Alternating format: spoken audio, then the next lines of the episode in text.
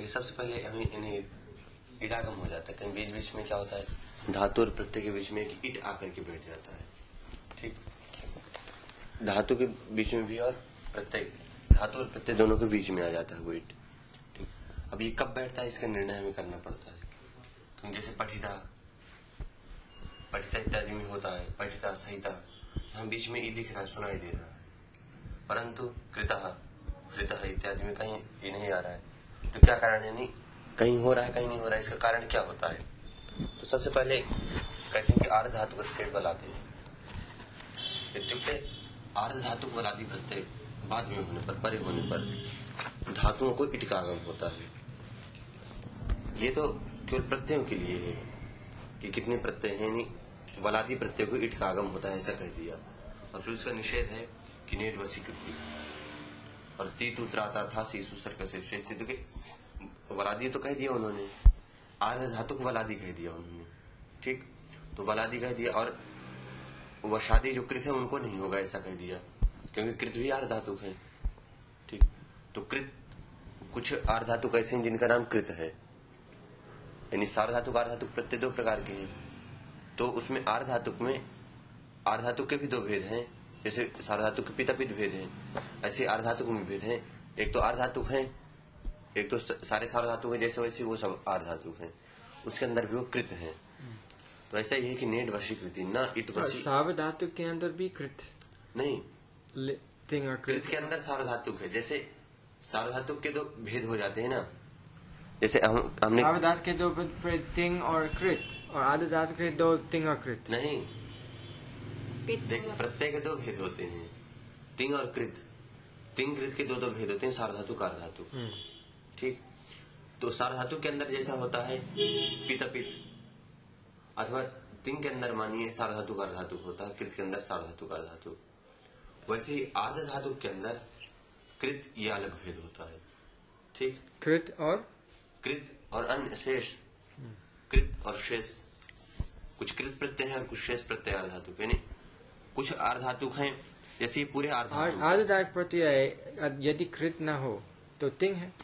नहीं जैसे इसके अंदर जो भी कहा गया सब आर्धातुक है। और उन्हीं इन्हीं के अंदर कुछ है जिनका दूसरा नाम है कृत। ठीक?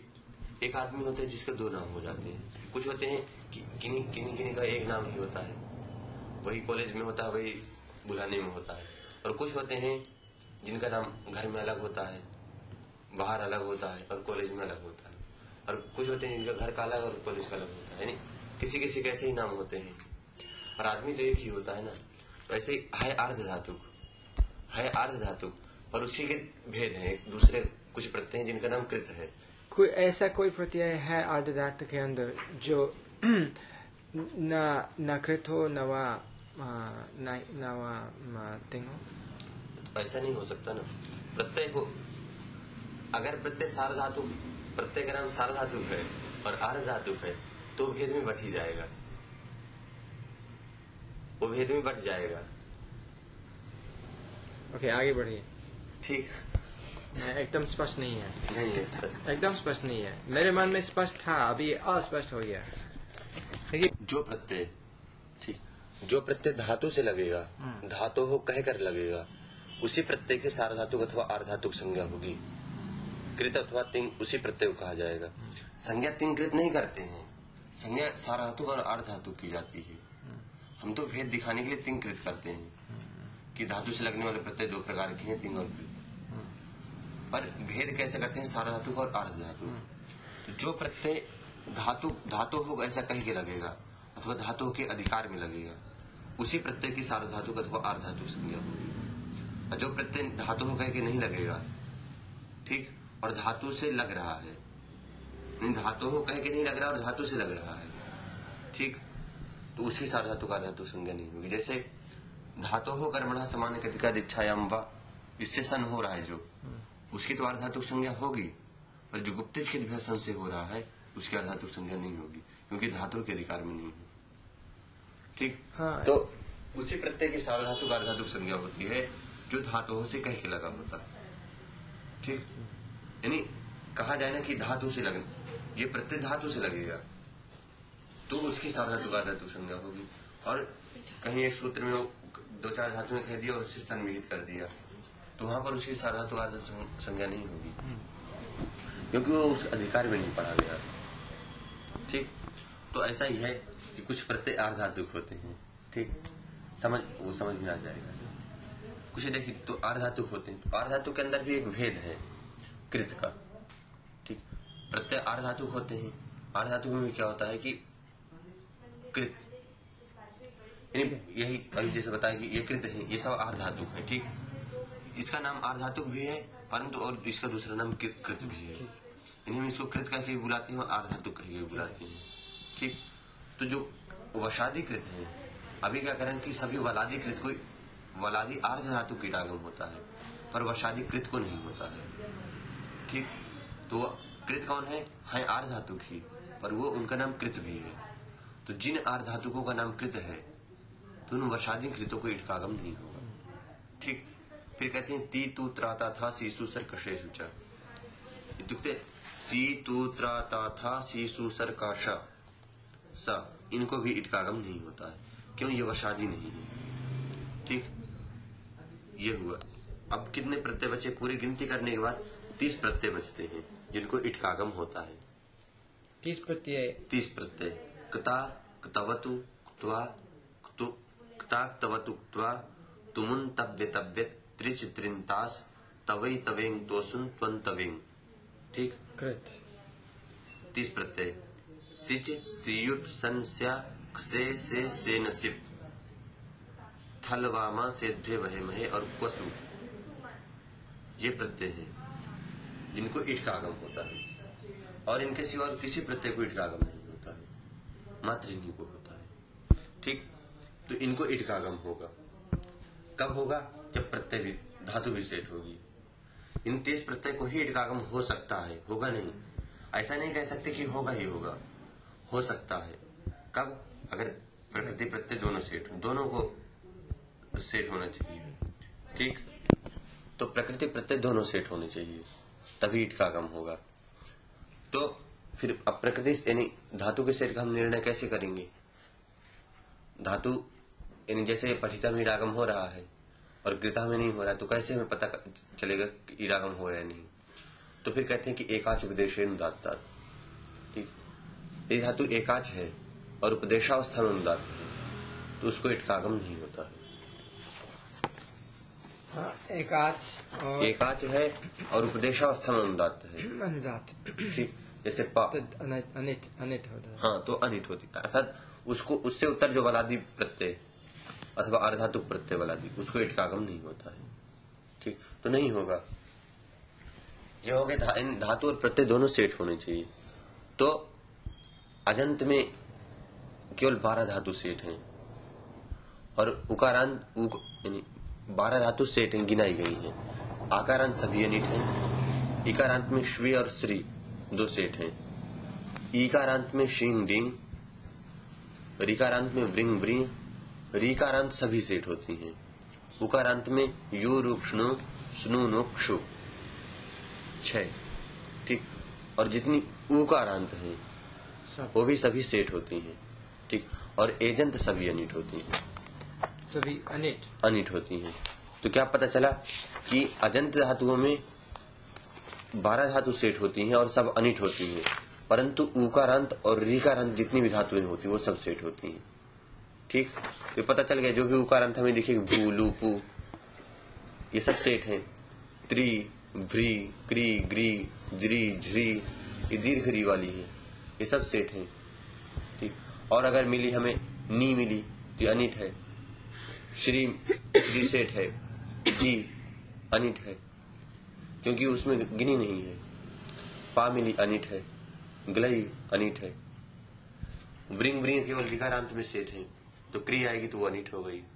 तो कर्ता और व्री से वरिता श्वी से श्वैता और जी से जेता, ऐसा रूप बनेगा। यानी एक में जो सेठ है उसको तो इट- इटकागम हो जाएगा, पर जो अनिट है उसको नहीं होगा। ठीक? तो अजंत में कितनी धातुएँ सेठ हैं? मात्र बारह धातु सेठ हैं। और उकारांत और रिकारांत ये सभी सेठ हैं। यानी गिनती की ये बारह धातुएँ सेठ हैं और उकारांत रिकारांत सभी सेठ हैं, जितनी भी होंगी ये। ठीक? हलंत में कितनी धातुएँ सेठ है? हलंत में 102 धातुएँ अनिट हैं, बाकी सब सेठ है। अच्छा 102 धातु केवल अनिट है, बाकी सब सेठ है। इनको ईट का हो जाएगा। अर्थात उसमें कम है, यानी हलंत में अनिट कम है और अजंत में सेठ कम है। ठीक? तो अजंत में सेठ गिना दिया और हलंत में अनिट गिना दिया। कितनों को होगा? इनको तो हो गया कि अगर हलंत 102 है तो इनको सामान्य ये सामान्य ईडागम है विशेष नहीं है। फिर यथाविध जो भी प्रत्यय हैं उनमें जाके ईडागम बदल जाता है। ठीक? तो ये हुआ सामान्य कि अजंत में बारह और उकारांत रिकारांत ये सेठ हैं। शेष अजंत आएँगे तो अनिट है वो। ठीक? हलंत में 102 अनिट है और शेष हलंत सेठ है। ठीक। फिर सूत्र आता है, स्वरति सूति सूयति धूयुदित होगा स्व्री शू ये जो धातु है, धूय और जो भी उदित धातु, ऐसी धातु जिसमें ऊ की संज्ञा हुई है, वो धातु वेट हो जाती है। ठीक। अक्षु, तक्षु, त्वक्षु, तंचु, त्रपुष, क्षमुष, मृजूष दीर्घ की संज्ञा हो रही इनमें? अंचु हाँ, त्रपुष इत्यादि जो भी है जिनमें दीर्घ ऊ की संज्ञा हो? अर्थात दीर्घ उदित हो। उदित अगर कोई धातु है तो वो कैसी होती है? वेट हो जाती है। वेट मतलब इसको एक बार होगा और एक बार नहीं होगा। तो अक्षिता और अष्टा। अक्षु धातु है अक्षु। तो अक्षिता इडागम जब हुआ जब नहीं हो तो अष्टा। तक्षु तक्षिता तष्टा। ठीक? ये बन हुआ। ये ये धातु है तैतीस। एक मिनट, तैतीस है। तैतीस तो ये धातु है, स्वराति सूति सूयति धुयुदित होगा। ये धातुएँ और रधादिभ्यश्च रधादि अभी कहा था, जिस जिस किसी सूत्र में आदि और प्रभृति ये शब्द प्रयोग होते हैं तो वहाँ पर वो गण होता है, नहीं, वो गण पाठ यानी उस, वो अं- अंतर्गण कहलाता है। ठीक? तो रधादिभ्यश्च रधादि जो धातु है, इनको भी विकल्प से टागम होता है। और उदित जितनी धातु है, उनको स्वरति यानी स्व्री, सु और सुय धातु जो है, और धुए कंपनी इनको भी विकल्प से आगम होता है। जो दोनों शु धातु हैं शुंग इत्यादि, इनको नित्य प्राप्त था क्योंकि उकारांत सभी सेठ है, और धू को भी नित्य प्राप्त था क्योंकि उकारांत सभी सेठ है। इन तीनों को नित्य प्राप्त था, यहाँ विकल्प हो गया। ठीक? और स्व्री धातु जो है, स्वरति। स्वरति जो सूत्र में कहा है, यह स्व्री। स्व्री को क्या था? नहीं प्राप्त था, क्योंकि रिकारांत में दो ही सेठ हैं, व्रिंग और व्रिंग। तो स्वर यहाँ इसको विकल्प से कह दिया।